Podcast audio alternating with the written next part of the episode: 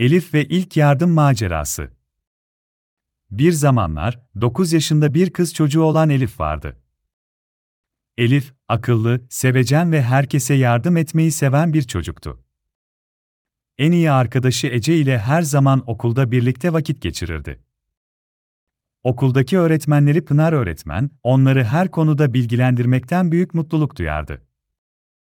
Bir gün, Pınar öğretmen çocuklara önemli bir konuda ders vermek için sınıfa girdi.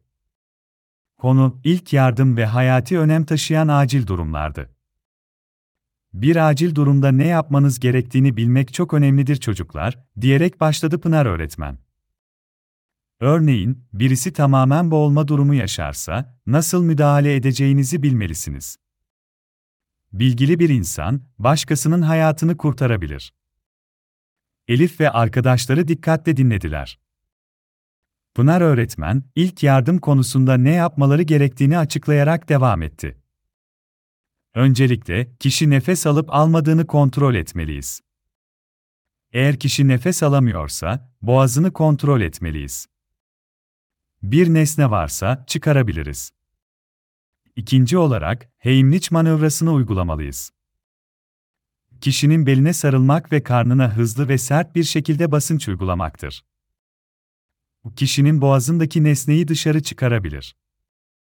Elif ve arkadaşları bu bilgileri büyük bir ilgiyle dinlediler. Elif, bu bilgiyi bir gün kullanabileceğini hiç düşünmemişti. Ancak bir gün, Barış'ın öğle yemeğinde bir elma parçasını yanlışlıkla boğazına kaçırmasıyla her şey değişti.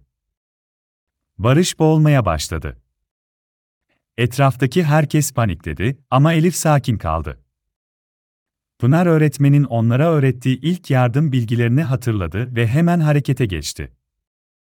Önce Barış'ın boğazını kontrol etti, ancak elma parçası görünmüyordu. Sonra Barış'ın beline sarıldı ve Heimlich manevrasını uyguladı. Beş kez sertçe bastırdı ve sonunda elma parçası dışarı fırladı. Herkes Elif'i alkışladı. Barış, Elif'e minnettar olduğunu söyledi ve Elif çok mutlu oldu. O günden sonra Elif ilk yardım konusundaki bilgisiyle okulda ünlü oldu ve herkes ona hayran oldu. Bu hikaye hem çocuklara hem de yetişkinlere ilk yardımın ne kadar önemli olduğunu ve bir hayat kurtarabileceğini hatırlatıyor. Bilgi güçtür ve bu gücü doğru bir şekilde kullanırsak birçok insanın hayatını kurtarabiliriz. Bu yüzden Elif gibi hepimiz daima öğrenmeye ve bilgimizi paylaşmaya devam etmeliyiz.